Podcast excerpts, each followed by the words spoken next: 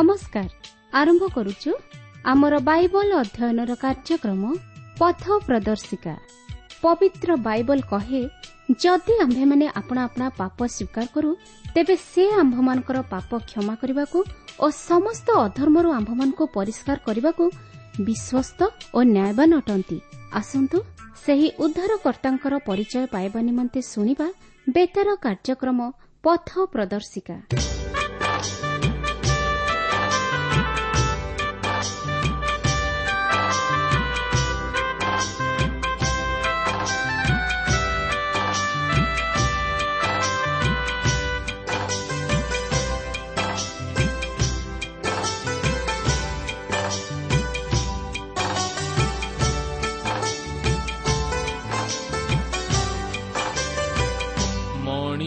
ଜୀବନ ପାଣିର ଫଟୋ ଏଇ ଅଛି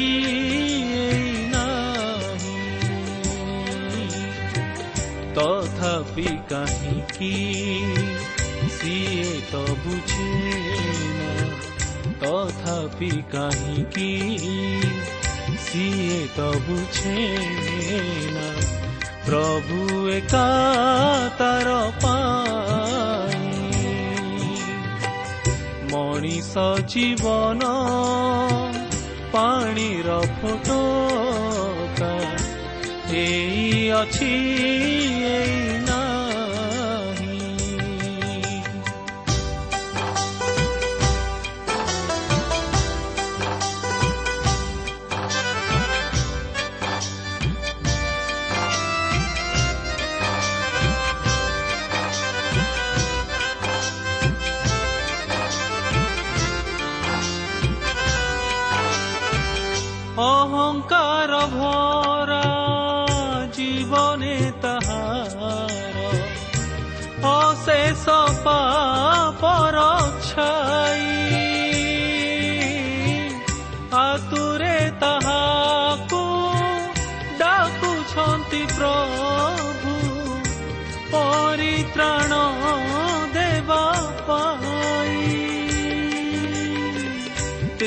ସେ କାହିଁକି ବୁଝି ତ ପାରିବେ ନା ତେବେ ସେ କାହିଁକି ବୁଝି ତ ପାରିବେ ନା ଜୀବନ ପ୍ରଭୁ ପାଇ ମଣିଷ ଜୀବନ ପାଣିର ଫଟୋ ଏଇ ଅଛି ପ୍ରିୟ ଶ୍ରୋତା ବନ୍ଧୁ ଆଜିର ଏହି ଶୁଭ ଅବସରରେ ଆମମାନଙ୍କର ସୃଷ୍ଟିକର୍ତ୍ତା ତଥା ଉଦ୍ଧାରକର୍ତ୍ତା ପ୍ରଭୁ ଯୀଶୁଖ୍ରୀଷ୍ଟଙ୍କ ବହୁମୂଲ୍ୟ ନାମରେ ଶୁଭେଚ୍ଛା ଜଣାଏ ଆଜିର ଏହି ପଥ ପ୍ରଦର୍ଶିକା କାର୍ଯ୍ୟକ୍ରମର ଅଂଶ ହେବା ନିମନ୍ତେ ସ୍ୱାଗତ କରେ ଆପଣଙ୍କର ମତାମତ ନିମନ୍ତେ ବିଶେଷ ଧନ୍ୟବାଦ ଆପଣ ଏହି କାର୍ଯ୍ୟକ୍ରମରେ ଜଣେ ନିୟମିତ ଶ୍ରୋତା ଜାଣିବା ବିଶେଷ ଖୁସି ଆପଣଙ୍କ ନିମନ୍ତେ ମଧ୍ୟ ଆମେ ପ୍ରାର୍ଥନା କରୁଅଛୁ ଆଉ ସେହି ପ୍ରଭୁ ଯୀଶୁ ନିଶ୍ଚିତ ଭାବରେ ଆପଣଙ୍କର ସମସ୍ୟା ସମାଧାନ କରିବେ। ଆସନ୍ତୁ ତାହେଲେ ପ୍ରଭୁଙ୍କର ବାକ୍ୟ ମଧ୍ୟ ଦେଇଯିବା ପୂର୍ବରୁ ପ୍ରାର୍ଥନାର ସହିତ ପ୍ରଭୁଙ୍କ ବାକ୍ୟର ନିକଟବର୍ତ୍ତୀ ହେବା। ଆସନ୍ତୁ ପ୍ରାର୍ଥନା କରିବା। ପ୍ରିୟ ପବିତ୍ର ପ୍ରଭୁ ତୁମର ପବିତ୍ର ନାମର ଧନ୍ୟବାଦ କରୁଅଛି ସୁନ୍ଦର ସମୟ ପାଇଁ ତୁମର ଜୀବନ୍ତ ବାକ୍ୟ ପାଇଁ। ପ୍ରଭୁ ତୁମର ବାକ୍ୟ ମଧ୍ୟ ଦେଇ ତୁମେ ଆମମାନଙ୍କ ସହିତ କଥା କୁହ। ପ୍ରଭୁ ତୁମେ ଆମମାନଙ୍କୁ ତୁମ ନିକଟବର୍ତ୍ତୀ କରାଅ। ଆମମାନଙ୍କୁ ଏକ ସରଳ ବିଶ୍ୱାସର ହୃଦୟ ଦିଅ। ଯେପରି ଆମେ ସରଳ ବିଶ୍ୱାସରେ ତୁମକୁ ତୁମର ବାକ୍ୟ ଗ୍ରହଣ କରିବା ସଙ୍ଗେ ସଙ୍ଗେ। ଯେପରି ତୁମକୁ ହୃଦୟରେ ଉଦ୍ଧାରକର୍ତ୍ତା ରୂପେ ଗ୍ରହଣ କରି ବାପର ଉଦ୍ଧାର ପାଇ ଅନନ୍ତ ଜୀବନର ଅଧିକାରୀ ହେବାକୁ ପାରିବୁ। ଏହି ଅନୁଗ୍ରହ ପ୍ରଭୁ ତୁମେ ଦାନ କର। ଆଜିର ଏହି କାର୍ଯ୍ୟକ୍ରମ ମଧ୍ୟ ଦେଇ ପ୍ରତ୍ୟେକ ଶ୍ରୋତାବନ୍ଧୁମାନଙ୍କୁ ତୁମେ ଆଶୀର୍ବାଦ କର। ଏହି ସମସ୍ତ ପ୍ରାର୍ଥନା ପ୍ରିୟ ପ୍ରଭୁ ଯୀଶୁଙ୍କ ନାଁରେ ମାଗୁଅଛୁ।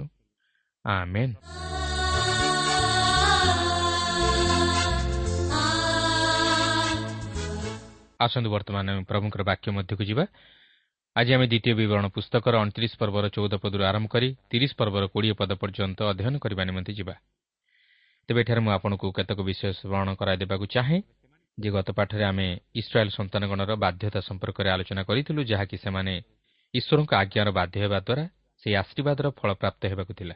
କିନ୍ତୁ ଆଜି ଆମେ ସେମାନଙ୍କର ଅବାଧ୍ୟତାର ଫଳ ସମ୍ପର୍କରେ କିଛି ଆଲୋଚନା କରିବାକୁ ଯିବା ଯାହାକି ସେମାନେ ସେହି ପାଲେଷ୍ଟାଇନ୍ ଦେଶରେ ପ୍ରବେଶ କରିବା ପୂର୍ବରୁ ମୂଷା ସେମାନଙ୍କୁ ସ୍ମରଣ କରାଇ ଦିଅନ୍ତି। ଯେପରି ସେମାନେ ସେହି ପାଲେଷ୍ଟାଇନ୍ ଦେଶରେ ପ୍ରବେଶ କରି ତହିଁରେ ବସବାସ କରିବା ସମୟରେ ଈଶ୍ୱରଙ୍କର ଅବାଧ୍ୟ ନ ହୋଇ ବାଧ୍ୟ ହୁଅନ୍ତି ଓ ଆଶୀର୍ବାଦର ଅଧିକାରୀ ହୁଅନ୍ତି।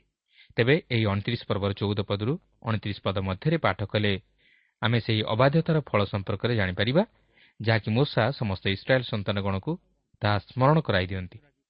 ମାତ୍ର ଆମେ ଚଉଦ ପଦରୁ ଅଣତିରିଶ ପଦ ପର୍ଯ୍ୟନ୍ତ ସମ୍ପୂର୍ଣ୍ଣ ପାଠ କରିବାକୁ ଯିବା ନାହିଁ ମାତ୍ର ଏହାର କେତେକ ମୁଖ୍ୟ ଅଂଶ ଉପରେ ଆମେ ଟିକେ ଦୃଷ୍ଟି ଦେବା। ତେବେ ଚଉଦ ପଦରୁ ଏକୋଇଶ ପଦ ମଧ୍ୟରେ ସେହି ଅବାଧ୍ୟତା କ'ଣ? ତାହା ମୂଷା ଅତି ସ୍ପଷ୍ଟ ଭାବେ ପ୍ରକାଶ କରନ୍ତି। ମୂଷା ଏହି ଅଂଶରେ ପ୍ରତିମା ପୂଜା ବିଷୟ ନେଇ ପ୍ରକାଶ କରି କହନ୍ତି ଯେ ଯେ କେହି ଏହିପରି ଜୀବନ୍ତ ଈଶ୍ୱରଙ୍କଠାରୁ ବିମୁଖ ହୋଇ ଅନ୍ୟ ଦେବତାଗଣର ସେବା କରି ପ୍ରତିମା ପୂଜାରେ ଆସକ୍ତ ହୁଏ ସେହି ବ୍ୟକ୍ତି ଉପରେ ଈଶ୍ୱରଙ୍କର ଅଭିଶାପ ବର୍ତ୍ତିବ। ଅର୍ଥାତ୍ ଯେଉଁମାନେ ଈଶ୍ୱରଙ୍କ ଆଜ୍ଞା ପାଳନ ନ କରି ଅନ୍ୟ ଦେବତାଗଣର ପଛରେ ଯାଇ ପ୍ରତିମା ପୂଜା କରନ୍ତି ସେମାନେ ଅଭିଶାପର ପାତ୍ର ହେବେ। କାରଣ ଈଶ୍ୱର ଚାହାନ୍ତି ନାହିଁ ତାଙ୍କର ସୃଷ୍ଟ ମନୁଷ୍ୟ ପ୍ରତିମା ପୂଜାରେ ଆସକ୍ତ ହୁଅନ୍ତୁ ବୋଲି। ଆସନ୍ତୁ ବର୍ତ୍ତମାନ ସେହି ଅବାଧ୍ୟତାର ଫଳ ସମ୍ପର୍କରେ ଦେଖିବା ଯାହାକି ମୂଷା ସମସ୍ତ ଇସ୍ରାଏଲ୍ ସନ୍ତାନଗଣକୁ ପୂର୍ବରୁ ସତର୍କ କରାଇ ଦିଅନ୍ତି ଯେପରି ସେମାନେ ଈଶ୍ୱରଙ୍କର ସେହି ନିୟମକୁ ଲଙ୍ଘନ କରି ସେମାନଙ୍କ ଉପରେ ଓ ଦେଶ ଉପରେ ଈଶ୍ୱରଙ୍କ ଅଭିଶାପ ନ ବର୍ତ୍ତାନ୍ତି। କିନ୍ତୁ ଦୁଃଖର ବିଷୟ ଇସ୍ରାଏଲ୍ ସନ୍ତାନଗଣ ଈଶ୍ୱରଙ୍କଠାରୁ ବିମୁଖ ହୋଇ ତାଙ୍କର ନିୟମ ଲଙ୍ଘନ କରିବାରୁ ସେମାନଙ୍କ ଉପରେ ଓ ଦେଶ ଉପରେ ମଧ୍ୟ ଈଶ୍ୱରଙ୍କ କ୍ରୋଧ ବର୍ତ୍ତିଲା। କିନ୍ତୁ ବର୍ତ୍ତମାନ ଆମେ ଲକ୍ଷ୍ୟ କରିବା ଯେ ଏହି ସମସ୍ତ ବିଷୟ ଘଟିବ ବୋଲି ଈଶ୍ୱର ପୂର୍ବରୁ ତାହା ଜାଣି ସେମାନଙ୍କୁ ସତର୍କ କରାଇ ଦେଇଥିଲେ ଓ ସେହି ଅବାଧ୍ୟତାର ଫଳ ସମ୍ପର୍କରେ ମଧ୍ୟ ପୂର୍ବରୁ ମୋଷାଙ୍କ ଦ୍ୱାରା ଜଣାଇ ଦେଇଥିଲେ ଦେଖନ୍ତୁ ଅଣତିରିଶ ପର୍ବର ବାଇଶରୁ ସତେଇଶ ପଦ ମଧ୍ୟରେ ଲେଖା ଅଛି ତେବେ ସଦାପ୍ରଭୁ ସେହି ଦେଶ ପ୍ରତି ଯେଉଁ ଆଘାତ କରିବେ ଓ ଯେଉଁ ରୋଗରେ ତାକୁ ରୋଗଗ୍ରସ୍ତ କରିବେ ତା ଭବିଷ୍ୟତ ପୁରୁଷ ତୁମ୍ଭ ଉତ୍ତାରେ ଉତ୍ପନ୍ନ ତୁମ୍ଭ ସନ୍ତାନ ସନ୍ତତି ଓ ଦୂରଦେଶରୁ ଆଗତ ବିଦେଶୀମାନେ ଦେଖିବେ ଅର୍ଥାତ୍ ସଦାପ୍ରଭୁ ଆପଣା କ୍ରୋଧ ଓ କୋପରେ ଯେଉଁ ସଦମ ଓ ହମରା ଓ ଅଦ୍ମା ଓ ସବଇମ୍ ନଗରମାନ ଉତ୍ପାଟନ କରିଥିଲେ ତାହାପରି ଏହି ଦେଶର ସମସ୍ତ ଭୂମି ଗନ୍ଧକ ଓ ଲବଣ ଓ ଦହନରେ ପରିପୂର୍ଣ୍ଣ ହୋଇଅଛି ତହିଁରେ କିଛି ବୁଣାଯାଏ ନାହିଁ କି ଫଳ ଉତ୍ପନ୍ନ ହୁଏ ନାହିଁ କି ତହିଁରେ କୌଣସି ତୃଣ ବଢ଼େ ନାହିଁ। ଏସବୁ ଯେତେବେଳେ ଦେଖିବେ ତେତେବେଳେ ସବୁ ଗୋଷ୍ଠୀୟ ଲୋକମାନେ କହିବେ ସଦାପ୍ରଭୁ ଏ ଦେଶ ପ୍ରତି କାହିଁକି ଏପରି କଲେ? ଏ ରୂପ ମହାକ୍ରୋଧ ପ୍ରଜ୍ୱଳିତ ହେବାର କାରଣ କ'ଣ? ତେବେ ଲୋକମାନେ କହିବେ ସଦାପ୍ରଭୁ ସେମାନଙ୍କ ପରମେଶ୍ୱର ମିଶ୍ର ଦେଶରୁ ସେମାନଙ୍କ ପୂର୍ବପୁରୁଷମାନଙ୍କୁ ବାହାର କରି ଆଣିବା ସମୟରେ ସେମାନଙ୍କ ସହିତ ଯେଉଁ ନିୟମ କରିଥିଲେ ତାହା ସେମାନେ ତ୍ୟାଗ କରିଅଛନ୍ତି। ପୁଣି ଯେଉଁ ଦେବତାମାନଙ୍କୁ ସେମାନେ ଜାଣିନଥିଲେ ଓ ସେ ସେମାନଙ୍କୁ ଦେଇନଥିଲେ ସେମାନେ ଯାଇ ସେହି ଅନ୍ୟ ଦେବତା ଗଣର ସେବା କଲେ ଓ ସେମାନଙ୍କୁ ପ୍ରଣାମ କଲେ। ଏହେତୁ ଏହି ପୁସ୍ତକରେ ଲିଖିତ ସମସ୍ତ ସାପ ସେହି ଦେଶ ଉପରେ ବର୍ତ୍ତାଇବାକୁ ତହିଁ ପ୍ରତି ସଦାପ୍ରଭୁଙ୍କ କ୍ରୋଧ ପ୍ରଜ୍ୱଳିତ ହେଲା। ଲକ୍ଷ୍ୟ କରିବେ ଏହି ଯେଉଁ ଅଭିଶାପର ବିଷୟ ଏଠାରେ ଉଲ୍ଲେଖ କରାଯାଇଅଛି ଯଦିଓ ତାହା ସେହି ସମୟରେ ଘଟିନଥିଲା ମାତ୍ର ସେମାନଙ୍କର ଭବିଷ୍ୟତ ଜୀବନରେ ତାହା ହିଁ ଘଟିଥିଲା। ତେଣୁ ମୂଷା ସେମାନଙ୍କୁ ତାହା ଘଟିବା ପୂର୍ବରୁ ସତର୍କ କରାଇ ଦେଇଥିଲେ ଯେପରି ସେମାନେ ସେଥିପ୍ରତି ସତର୍କ ରୁହନ୍ତି ମାତ୍ର ସେମାନେ ସବୁ ଜାଣି ମଧ୍ୟ ସତର୍କ ରହିପାରିଲେ ନାହିଁ। ମାତ୍ର ଈଶ୍ୱର ସେମାନଙ୍କ ସହିତ କରିଥିବା ନିୟମକୁ ଲଙ୍ଘନ କରି ସେହି ଦେଶରୁ ବିତାଡ଼ିତ ହୋଇ ଶତ୍ରୁ ହସ୍ତରେ ବନ୍ଦୀ ହୋଇଗଲେ। ସେମାନେ ଅଭିଶପ୍ତ ହେବା ସଙ୍ଗେ ସଙ୍ଗେ ଭୂମି ମଧ୍ୟ ଅଭିଶପ୍ତ ହେଲା। କାହିଁକି? ସେମାନଙ୍କର ଅବାଧ୍ୟତା ନିମନ୍ତେ। ସେମାନେ ଈଶ୍ୱରଙ୍କଠାରୁ ବିମୁଖ ହୋଇ ପ୍ରତିମା ପୂଜାରେ ଆସକ୍ତ ହେଲେ। ଈଶ୍ୱର ସେମାନଙ୍କ ସଙ୍ଗେ କରିଥିବା ନିୟମକୁ ସେମାନେ ଲଙ୍ଘନ କଲେ। ସେଥିପାଇଁ ସେମାନେ ଅଭିଶାପର ପାତ୍ର ହେବା ସଙ୍ଗେ ସଙ୍ଗେ ସେମାନଙ୍କ ଲାଗି ଦେଶ ମଧ୍ୟ ଅଭିଶପ୍ତ ହେଲା। ପ୍ରିୟ ବନ୍ଧୁ ଈଶ୍ୱରଙ୍କ କ୍ରୋଧ କେବଳ ମନୁଷ୍ୟ ପ୍ରତି ବର୍ତ୍ତେ ନାହିଁ ଏଥିସହିତ ଭୂମି ପ୍ରତି ବା ଦେଶ ପ୍ରତି ମଧ୍ୟ ବର୍ତ୍ତେ। ଏହି ପାଲେଷ୍ଟାଇନ୍ ଦେଶ ଦୁଗ୍ଧ ଓ ମଧୁର ଦେଶ ଥିଲା। ମାତ୍ର ଏହି ଦେଶ ପ୍ରତି କାହିଁକି ଏପରି ଘଟିଲା? ଏହା କେବଳ ସେମାନଙ୍କର ଅବାଧ୍ୟତା ନିମନ୍ତେ। ସେମାନେ ଈଶ୍ୱରଙ୍କର ସେହି ନିୟମକୁ ପାଶୋରି ଗଲେ ଓ ନିଜ ନିଜର ଚିନ୍ତାଧାରା ଅନୁଯାୟୀ କାର୍ଯ୍ୟ କଲେ। ଆପଣ ଦେଖନ୍ତୁ ପ୍ରଭୁ ଯୀଶୁଖ୍ରୀଷ୍ଟଙ୍କ ସମୟରେ ସେହି ପାଲେଷ୍ଟାଇନ୍ରେ ଥିବା ଜିତ ପର୍ବତ ବୃକ୍ଷରେ ପରିପୂର୍ଣ୍ଣ ହୋଇଥିଲା। କିନ୍ତୁ ଯେଉଁ ଶତ୍ରୁମାନେ ଆସି ଏହି ଅଞ୍ଚଳକୁ ଅଧିକାର କଲେ ସେମାନେ ସେହିସବୁ ବୃକ୍ଷ ସବୁକୁ ହାଣି ସେହି ସ୍ଥାନକୁ ଏକ ନିର୍ଜନ ତଥା ନିକାଞ୍ଚନରେ ପରିଣତ କରିଦେଲେ। ଏହିସବୁ କାହିଁକି ଘଟିଲା? କେବଳ ସେହି ଇସ୍ରାଏଲ୍ ସନ୍ତାନଗଣର ଅବାଧ୍ୟତା ନିମନ୍ତେ। ସେମାନଙ୍କ ଲାଗି ଭୂମି ଉପରେ ମଧ୍ୟ ଈଶ୍ୱରଙ୍କ କ୍ରୋଧ ବର୍ତ୍ତିଲା ଆପଣ ଯଦି ଦେଖିବେ ସୃଷ୍ଟିର ଆରମ୍ଭରୁ ଆଦମ ଓ ହବା ପାପ କରିବା ଦ୍ୱାରା ସେମାନେ ସାପଗ୍ରସ୍ତ ହେବା ସଙ୍ଗେ ସଙ୍ଗେ ସେମାନଙ୍କ ଲାଗି ଭୂମି ମଧ୍ୟ ସାପଗ୍ରସ୍ତ ହେଲା। ପ୍ରକୃତରେ ଆମମାନଙ୍କର ପାପ ନିମନ୍ତେ କେବଳ ଆମେ ଈଶ୍ୱରଙ୍କଠାରୁ ଅଭିଶାପ ପାଇନଥାଉ ସେଥିସହିତ ଆମେ ଯେଉଁ ଦେଶରେ ବା ସମାଜରେ ବା ଗୃହରେ ବା ପରିବାରରେ ବା ଗୃହରେ ରହୁ ତହିଁ ଉପରେ ବା ଆମର ଭୂମି ବା କ୍ଷେତ ଉପରେ ମଧ୍ୟ ଈଶ୍ୱରଙ୍କ ଅଭିଶାପ ବର୍ତ୍ତେ। ଅର୍ଥାତ୍ ଆମେ ପାପ କରିବା ଦ୍ୱାରା ଶାରୀରିକ ତଥା ଆତ୍ମିକ ଆଶୀର୍ବାଦରୁ ବଞ୍ଚିତ ହେଉ। ତେବେ ଆପଣ ବର୍ତ୍ତମାନ କହିପାରନ୍ତି ଯେ ବର୍ତ୍ତମାନ ଯେଉଁମାନେ ଅନ୍ୟାୟ ଅଧର୍ମ କରୁଅଛନ୍ତି ଓ ପାପରେ ଜୀବନ ବିତାଉଛନ୍ତି ସେମାନେ ଅତି ସୁଖରେ କାଳାତିବାଦ କରୁଅଛନ୍ତି। ସେମାନଙ୍କର କୌଣସି ବିଷୟରେ ଅଭାବ ନାହିଁ। ହଁ ତାହା ସତ କଥା। ମାତ୍ର ସେମାନେ କ'ଣ ବାସ୍ତବରେ ଶାନ୍ତି ପାଇପାରନ୍ତି? କେବେ ନୁହେଁ। ସେମାନଙ୍କର ପାରିବାରିକ ଜୀବନକୁ ଯଦି ଆପଣ ଲକ୍ଷ୍ୟ କରିବେ ତାହେଲେ ତାହା ଅତି ଭୟଙ୍କର। ସେମାନେ ନିଜର ମାନସିକ ଶାନ୍ତି ମଧ୍ୟ ପାଇପାରନ୍ତି ନାହିଁ। ତାଛଡ଼ା ସେମାନଙ୍କର ଧନ ହିଁ ସେମାନଙ୍କର ବିନାଶର କାରଣ ହୁଏ। କିନ୍ତୁ ସେମାନେ ଯେ ଈଶ୍ୱରଙ୍କ ଦ୍ୱାରା ବିଚାରିତ ହେବେ ନାହିଁ ଏହା ଭାବିବା ମଧ୍ୟ ଭୁଲ। କିନ୍ତୁ ବର୍ତ୍ତମାନ ଅନୁଗ୍ରହର ସମୟ ଥିବାରୁ ଈଶ୍ୱର ସେମାନଙ୍କୁ ସୁଯୋଗ ଦିଅନ୍ତି ତାଙ୍କର ନିକଟବର୍ତ୍ତୀ ହେବା ପାଇଁ। ମାତ୍ର ସେମାନେ ଯଦି ପାପରୁ ନ ଫେରନ୍ତି ତାହେଲେ ସମୟ ଆସିବ ସେମାନଙ୍କର ଧନ ହିଁ ସେମାନଙ୍କୁ ବିନାଶ କରିବ ଓ ସେମାନେ ସେହି ଅନନ୍ତ ନରକ ମଧ୍ୟକୁ ଗମନ କରିବେ। ଧନୀ ଓ ଲାଜାରର ଦୃଷ୍ଟାନ୍ତ ଆପଣ ଜାଣିଥିବେ। ଧନୀର ଧନ ତାର ବିନାଶର କାରଣ ହେଲା। ମାତ୍ର ଲାଜାର ଭିକାରୀ ଥିଲେ ମଧ୍ୟ ସେ ଈଶ୍ୱରଙ୍କ ବିଷୟରେ ଧନୀ ଥିଲା। ତେଣୁକରି ସେ ଅବ୍ରାହ୍ମଙ୍କ କୂଳକୁ ଗଲା। ଅର୍ଥାତ୍ ସେ ସେହି ସ୍ୱର୍ଗୀୟ ସୁଖର ଅଧିକାରୀ ହେଲା। ତାହାର ଆତ୍ମା ବିଶ୍ରାମ ପାଇଲା। କିନ୍ତୁ ଧନୀ ନରକ ଯନ୍ତ୍ରଣାରେ କଲବଲ ହେଲା। ତେଣୁ ପ୍ରିୟ ବନ୍ଧୁ ଆଜି ଯଦି ଆପଣ ସମସ୍ତ ଅନ୍ୟାୟ ଅଧର୍ମ କରି ଓ ପାପରି ଜୀବନ ଅତିବାହିତ କରି ସୁଖରେ ରହିବା ଦ୍ୱାରା ଭାବୁଛନ୍ତି ଯେ ଈଶ୍ୱରଙ୍କ ବିଚାରରୁ ଆପଣ ପାର ପାଇଯିବେ ବୋଲି ତାହା ଠିକ୍ ନୁହେଁ। ଈଶ୍ୱର ଅନୁଗ୍ରହ କରି ଆପଣଙ୍କୁ ସୁଯୋଗ ଦିଅନ୍ତି ତାଙ୍କର ନିକଟବର୍ତ୍ତୀ ହୋଇ ନିଜର ପାପରୁ ଫେରିବା ନିମନ୍ତେ। କିନ୍ତୁ ଯଦି ଆପଣ ନ ଫେରନ୍ତି ତାହେଲେ ଆପଣ ନିଶ୍ଚୟ ଈଶ୍ୱରଙ୍କ ଦ୍ୱାରା ବିଚାରିତ ହେବେ। କାରଣ ଈଶ୍ୱର ନ୍ୟାୟବାନ ଓ ଅନ୍ୟାୟର ଈଶ୍ୱର ନୁହନ୍ତି କିମ୍ବା ସେ ବିଚାରରେ ମନୁଷ୍ୟର ମୁଖାପେକ୍ଷା କରନ୍ତି ନାହିଁ। ଚିନ୍ତା କରନ୍ତୁ ଯଦି ଈଶ୍ୱର ତାଙ୍କର ନିଜ ମନୋନୀତ ଜାତି ପ୍ରତି ଏରୂପ ଦଣ୍ଡ ବର୍ତ୍ତାଇ ପାରନ୍ତି ତାହେଲେ ଯେଉଁମାନେ ଆଜି ଈଶ୍ୱରଙ୍କଠାରୁ ବିମୁଖ ହୋଇ ପାପରେ ଜୀବନ ଅତିବାହିତ କରୁଛନ୍ତି ସେମାନଙ୍କର ପ୍ରତି କେତେ ଅଧିକ ପ୍ରତିଫଳ ନ ବର୍ତ୍ତିବ? କିନ୍ତୁ ଆଜି କ'ଣ ଆମେ ସେଥିପ୍ରତି ସତର୍କ ଅଛୁ କି? ଦେଖନ୍ତୁ ଏଥିସହିତ ଏହି ଅଣତିରିଶ ପର୍ବର ଅଠେଇଶ ଓ ଅଣତିରିଶ ପଦରେ ଏହିପରି ଲେଖା ଅଛି ପୁଣି ସଦାପ୍ରଭୁ କ୍ରୋଧରେ ଓ ପ୍ରଚଣ୍ଡତାରେ ଓ ମହାକୋପରେ ସେମାନଙ୍କ ଦେଶରୁ ସେମାନଙ୍କୁ ଉତ୍ପାଟନ କଲେ ଓ ଆଜିର ପରି ଅନ୍ୟ ଦେଶରେ ସେମାନଙ୍କୁ ନିକ୍ଷେପ କଲେ। ଗୁପ୍ତ ବିଷୟ ସବୁ ସଦାପ୍ରଭୁ ଆମମାନଙ୍କ ପରମେଶ୍ୱରଙ୍କ ଅଧିକାର। ମାତ୍ର ଆମ୍ଭେମାନେ ଯେମନ୍ତ ଏହି ବ୍ୟବସ୍ଥାର ସବୁ ବଚନ ପାଳନ କରିବା ଏଥିପାଇଁ ପ୍ରକାଶିତ ବିଷୟ ସବୁ ଯୁଗାନୁକ୍ରମେ ଆମମାନଙ୍କର ଓ ଆମମାନଙ୍କ ସନ୍ତାନଗଣର ଅଧିକାର। ଏହି ଅଂଶରେ ଆପଣ ଲକ୍ଷ୍ୟ କରିବେ ଯେ ଏପରିକି ଈଶ୍ୱର ସେହି ନିୟମ ସେମାନଙ୍କ ସହିତ ସ୍ଥିର କରିବା ପୂର୍ବରୁ ସେମାନଙ୍କ ପ୍ରତି ଭବିଷ୍ୟତରେ କ'ଣ ଘଟିବା ପାଇଁ ଯାଉଅଛି ତାହା ଈଶ୍ୱର ଭାବାଣୀ ଆକାରରେ ମୂଷାଙ୍କ ଦ୍ୱାରା ପ୍ରକାଶ କରିଦିଅନ୍ତି। ଆଜି ମଧ୍ୟ ଏହି ଦେଶ ସେତେ ସମୃଦ୍ଧିଶାଳୀ ନୁହେଁ। ସଦାସର୍ବଦା ଜଳର ଅଭାବ ଦେଖାଯାଏ। ଇସ୍ରାଏଲ୍ ସନ୍ତାନଗଣ ପୃଥିବୀର ବିଭିନ୍ନ ସ୍ଥାନରେ ଛିନ୍ନ ଭିନ୍ନ ହୋଇ ରହିଅଛନ୍ତି।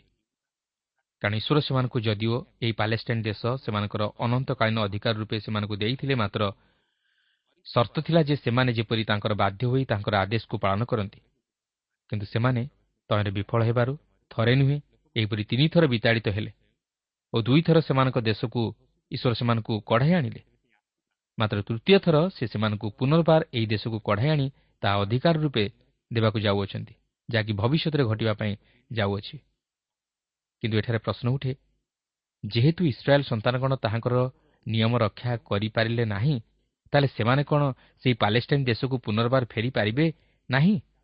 ସେପରି ନୁହେଁ। କାରଣ ସେହି ଦେଶରେ ପ୍ରବେଶ କରିବା ନେଇ ଈଶ୍ୱର ସେମାନଙ୍କ ସହିତ ଏକ ସର୍ତ୍ତବିହୀନ ନିୟମ ସ୍ଥାପନ କରିଥିଲେ।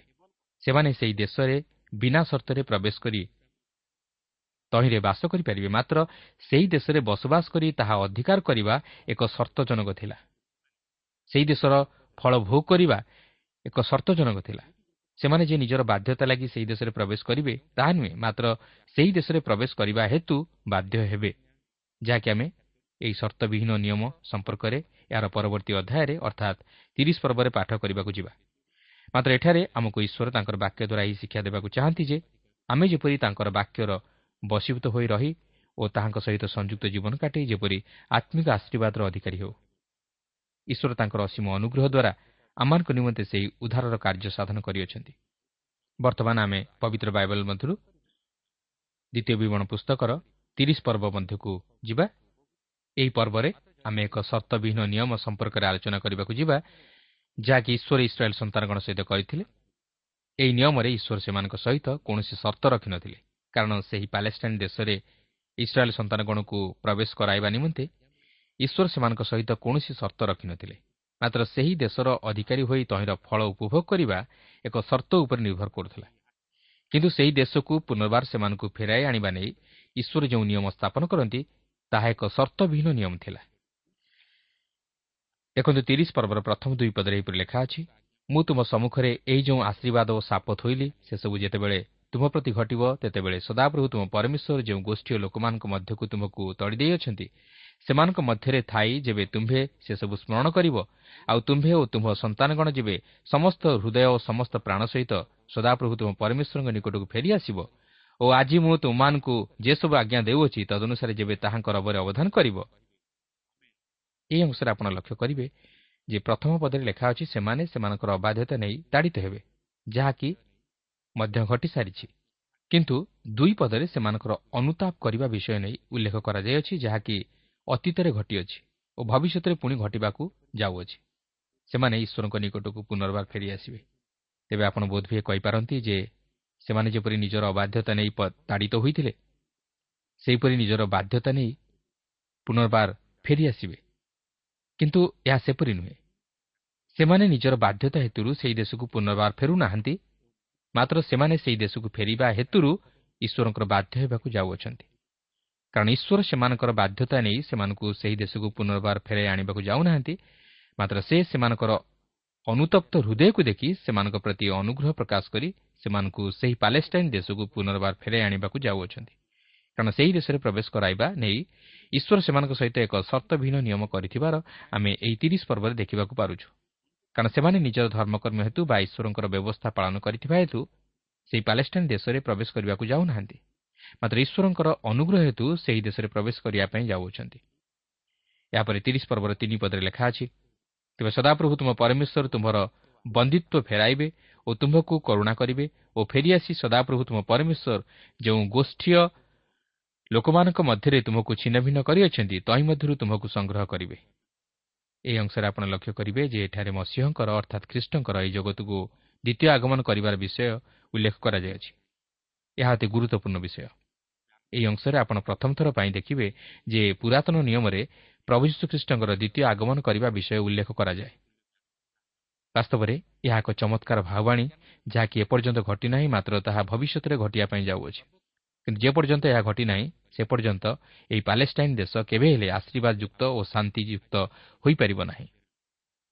ତିରିଶ ପର୍ବର ଚାରି ଓ ପାଞ୍ଚ ପଦରେ ଲେଖା ଅଛି ଯେବେ ତୁମ୍ଭର ଦୂରୀକୃତ ଲୋକମାନଙ୍କ ମଧ୍ୟରୁ କେହି ଆକାଶମଣ୍ଡଳର ପ୍ରାନ୍ତ ସୀମାରେ ଥାଏ ତେବେ ସଦାପ୍ରଭୁ ତୁମ ପରମେଶ୍ୱର ସେଠାରୁ ହିଁ ତୁମକୁ ସଂଗ୍ରହ କରିବେ ଓ ସେଠାରୁ ତୁମକୁ ନେଇ ଆସିବେ। ପୁଣି ତୁମ ପୂର୍ବପୁରୁଷମାନେ ଯେଉଁ ଦେଶ ଅଧିକାର କରିଥିଲେ ସଦାପ୍ରଭୁ ତୁମ ପରମେଶ୍ୱର ସେହି ଦେଶକୁ ତୁମ୍ଭକୁ ଆଣିବେ ଓ ତୁମ୍ଭେ ତାହା ଅଧିକାର କରିବ। ଆଉ ସେ ତୁମ୍ଭର ମଙ୍ଗଳ କରି ତୁମ ପୂର୍ବପୁରୁଷମାନଙ୍କ ଅପେକ୍ଷା ତୁମ୍ଭର ଅଧିକ ବୃଦ୍ଧି କରିବେ। ଏହି ଅଂଶରେ ଆପଣ ଆଉ ଏକ ଆଶୀର୍ବାଦର ପ୍ରତିଜ୍ଞା ଦେଖିବାକୁ ପାରିବେ ଯାହାକି ଇସ୍ରାଏଲ୍ ସନ୍ତାନଗଣ ପୁନର୍ବାର ସଂଗୃହୀତ ହେବେ ବୋଲି ଈଶ୍ୱର ପ୍ରତିଜ୍ଞା କରନ୍ତି। ଏହା ଏକ ସର୍ତ୍ତବିହୀନ ପ୍ରତିଜ୍ଞା। ଈଶ୍ୱର ସେମାନଙ୍କୁ ଆପଣାର ଅସୀମ ଅନୁଗ୍ରହ ଦ୍ୱାରା ସେମାନଙ୍କୁ ପୁନର୍ବାର ସେହି ଦେଶକୁ ଫେରାଇ ଆଣିବେ। ଏହାପରେ ତିରିଶ ପର୍ବର ଛଅ ପଦରେ ଲେଖା ଅଛି ପୁଣି ତୁମ୍ଭେ ଯେମନ୍ତ ଆପଣାର ସମସ୍ତ ହୃଦୟ ଓ ଆପଣାର ସମସ୍ତ ପ୍ରାଣ ସହିତ ସଦାପ୍ରଭୁ ତୁମ ପରମେଶ୍ୱରଙ୍କୁ ପ୍ରେମ କରିବ ଏଥିପାଇଁ ସଦାପ୍ରଭୁ ତୁମ ପରମେଶ୍ୱର ତୁମର ହୃଦୟ ଓ ତୁମ ବଂଶର ହୃଦୟ ସୁନ୍ନତ କରିବେ ତହରେ ତୁମ୍ଭେ ବଞ୍ଚିବ। ଆପଣ ଦେଖନ୍ତୁ ଈଶ୍ୱର ସେମାନଙ୍କ ପ୍ରତି କିଭଳି ତାଙ୍କର ଅନୁଗ୍ରହ ପ୍ରକାଶ କରନ୍ତି। ଈଶ୍ୱର ଯେ ନିଜେ ସେମାନଙ୍କୁ ଏହି ପ୍ରକାର ପ୍ରେମର ହୃଦୟ ପ୍ରଦାନ କରିବେ ଓ ସେମାନଙ୍କର ହୃଦୟକୁ ପବିତ୍ର କରିବେ ଏହା ପ୍ରତିଜ୍ଞା କରନ୍ତି। ଏହା ମଧ୍ୟ ସର୍ତ୍ତବିହୀନ ପ୍ରତିଜ୍ଞା।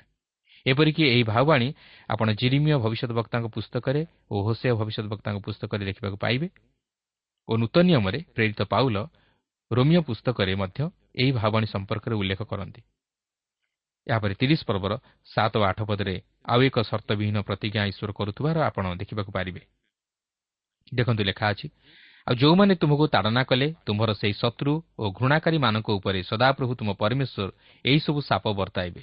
ଆଉ ତୁମ୍ଭେ ଫେରିଆସି ସଦାପ୍ରଭୁଙ୍କ ରବରେ ଅବଦାନ କରିବ ଓ ମୁଁ ଆଜି ତାହାଙ୍କର ଯେ ସମସ୍ତ ଆଜ୍ଞା ତୁମକୁ ଆଦେଶ କରୁଅଛି ତାହା ସବୁ ପାଳନ କରିବ।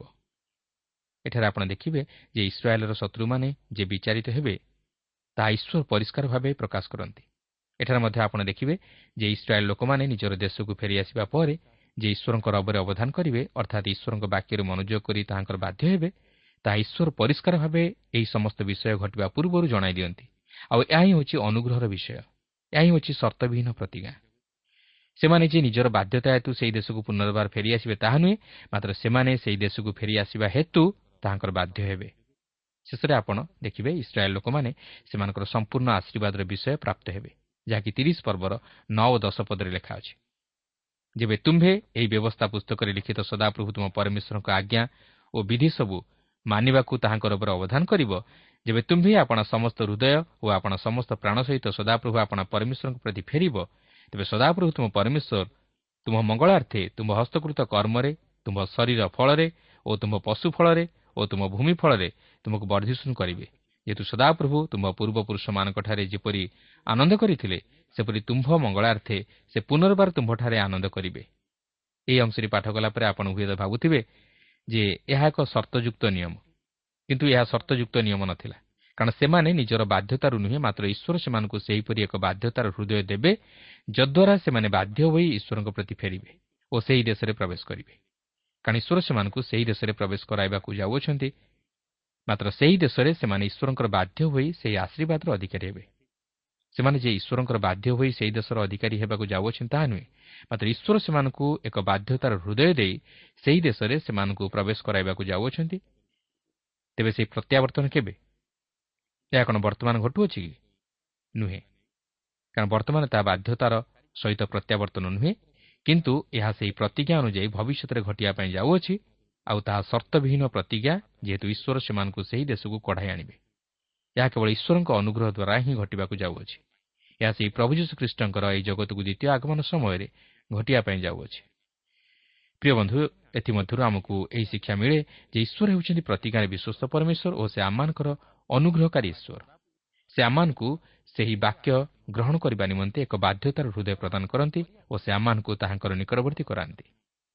ସେ କେବଳ ଇସ୍ରାଏଲ୍ର ପରମେଶ୍ୱର ନୁହନ୍ତି ମାତ୍ର ସମଗ୍ର ଜଗତର ଈଶ୍ୱର ଓ ସେଥିପାଇଁ ସେ ସମଗ୍ର ଜଗତର ମାନବ ଜାତିକୁ ପାପରୁ ଉଦ୍ଧାର କରିବା ପାଇଁ ତାହାଙ୍କର ସେହି ଅଦ୍ୱିତୀୟ ପ୍ରିୟ ପୁତ୍ର ଯୀଶୁଖ୍ରୀଷ୍ଟଙ୍କୁ ପଠାଇଲେ ଓ ତାହାଙ୍କ ଦ୍ୱାରା ଆମମାନଙ୍କ ନିମନ୍ତେ ସେହି ଉଦ୍ଧାରର କାର୍ଯ୍ୟ ସାଧନ କରି ଏହି ପାପିଷ୍ଠ ଜଗତ ପ୍ରତି ଆପଣାର ମହାପ୍ରେମ ଓ ଅନୁଗ୍ରହକୁ ଖ୍ରୀଷ୍ଟଙ୍କ ମାଧ୍ୟମରେ ପ୍ରକାଶ କଲେ। ଯେପରି ସେହି ଯୀଶୁଖ୍ରୀଷ୍ଟଙ୍କଠାରେ ବିଶ୍ୱାସ କରି ଅନୁତାପର ସହିତ କ୍ଷମା ମାଗି ପାପରୁ ଉଦ୍ଧାର ପାଇ ସେହି ଆତ୍ମିକ ଆଶୀର୍ବାଦର ଅଧିକାରୀ ହେଉ।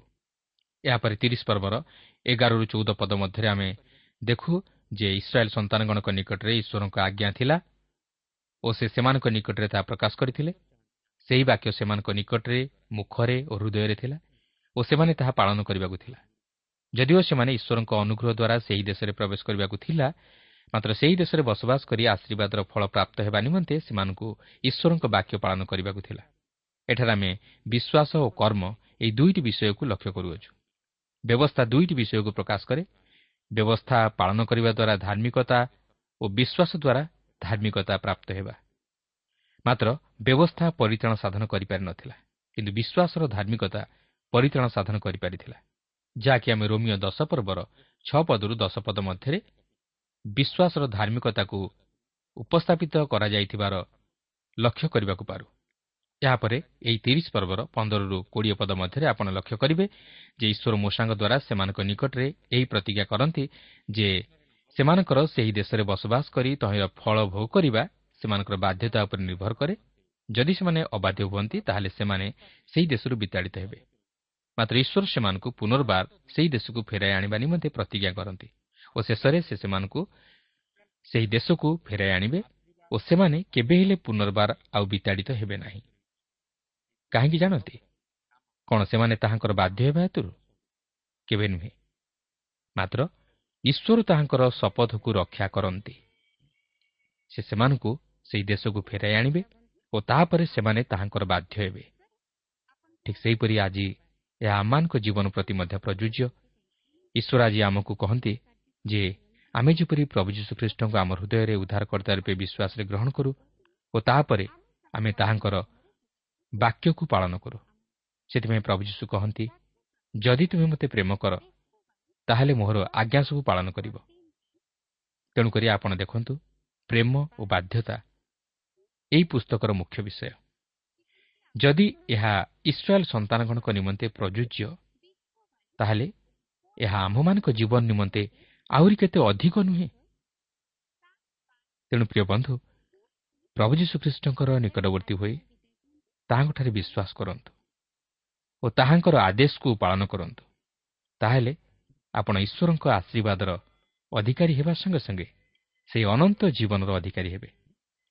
ତେବେ ଆଜି ଆମେ ଏଇଠାରେ ତିରିଶ ପର୍ବଟିକୁ ଅଧ୍ୟୟନ କରି ସମାପ୍ତ କଲୁ ମାତ୍ର ମୋର ଅନୁରୋଧ ଆଜି ଯଦି ଆପଣଙ୍କର ପାପ କ୍ଷମା ହୋଇନାହିଁ ତାହେଲେ ସେହି ପ୍ରଭୁ ଯୀଶୁଙ୍କ ନିକଟକୁ ଯାଆନ୍ତୁ ନିଜର ପାପ ସମସ୍ତ ସ୍ୱୀକାର କରନ୍ତୁ କ୍ଷମା ମାଗନ୍ତୁ ଓ ତାହାଙ୍କର ବାକ୍ୟ ଅନୁଯାୟୀ ଜୀବନଯାପନ କରିବା ପାଇଁ ଚେଷ୍ଟା କରନ୍ତୁ ତାହେଲେ ସେ ଆପଣଙ୍କୁ ପାପରୁ ଉଦ୍ଧାର କରି ଆପଣଙ୍କୁ ଏହି ଜଗତରେ ଏକ ବିଜୟୀ ଜୀବନଯାପନ କରିବା ନିମନ୍ତେ ଶକ୍ତି ଦେବେ ଓ ତାହାଙ୍କର ବାକ୍ୟ ଅନୁଯାୟୀ ଆପଣ ଜୀବନଯାପନ କରିବା ନିମନ୍ତେ ସମର୍ଥ ହୋଇପାରିବେ।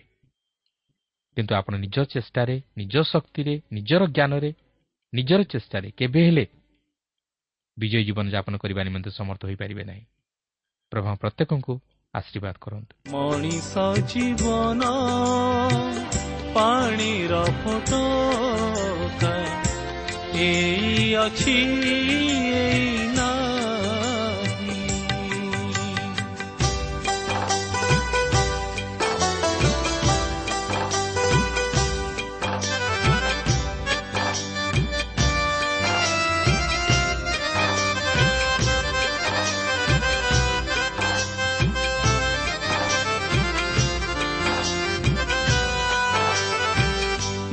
ବକ୍ଷେ ବର୍ଷ ଘାତ କୋରଡ଼ା ପ୍ରହାର।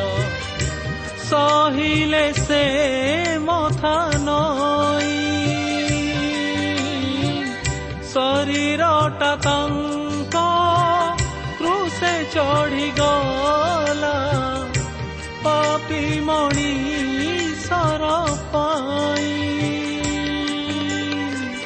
ସେ ପାପି ମଣିଷ କେବେ ବି ଚାହେଁ ସେ ପାପି ମଣିଷ କେବେ ବି ଚାହେଁ ସେ ପ୍ରେମ ବୁଝିବା ପାଇଁ ମଣିଷ ଜୀବନ ପାଣିର ଫଟକା ଏଇ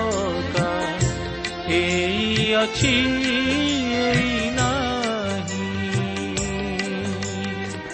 ତଥାପି କାହିଁକି ସିଏ ତ ବୁଝେ ନା?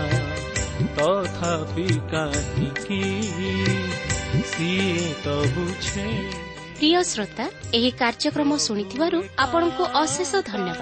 ଏହି କାର୍ଯ୍ୟକ୍ରମ ଆପଣଙ୍କୁ କିପରି ଲାଗିଲା ଓ କେଉଁ ବିଷୟଟି ଆପଣଙ୍କ ହୃଦୟକୁ ଅଧିକ ସ୍ପର୍ଶ କରିଛି ତାହା ଲେଖି ଜଣାଇଲେ ଆମେ ବିଶେଷ ଉପକୃତ ହେବୁ। ଯଦି କିଛି ପ୍ରଶ୍ନ ବା ସନ୍ଦେହ ଥାଏ ତାହା ପତ୍ର ମାଧ୍ୟମରେ ଅଥବା ଟେଲିଫୋନ ଯୋଗେ ଆମକୁ ଜଣାନ୍ତୁ। ଆମର ଠିକଣା ପଥ ପ୍ରଦର୍ଶିକା Trans World Radio India post box number ତିନି ତିନି ଭୁବନେଶ୍ୱର ସାତ ପାଞ୍ଚ ଏକ ଶୂନ ଶୂନ ଏକ। Mobile number nine seven double seven double two one four one five. ଠିକଣାଟି ଆଉଥରେ ଶୁଣନ୍ତୁ। ପଥ ପ୍ରଦର୍ଶିକା Trans World Radio India post box number three three Bhubaneswar seven five one zero zero one mobile number nine seven double seven double two one four one five ଆମର email ଆଡ୍ରେସଟି ଲେଖି ରଖନ୍ତୁ Odia TV at radio eight eight two dot com ତେବେ ଆଜି ପାଇଁ ଏଇଠାରେ ରଖୁଛୁ ନମସ୍କାର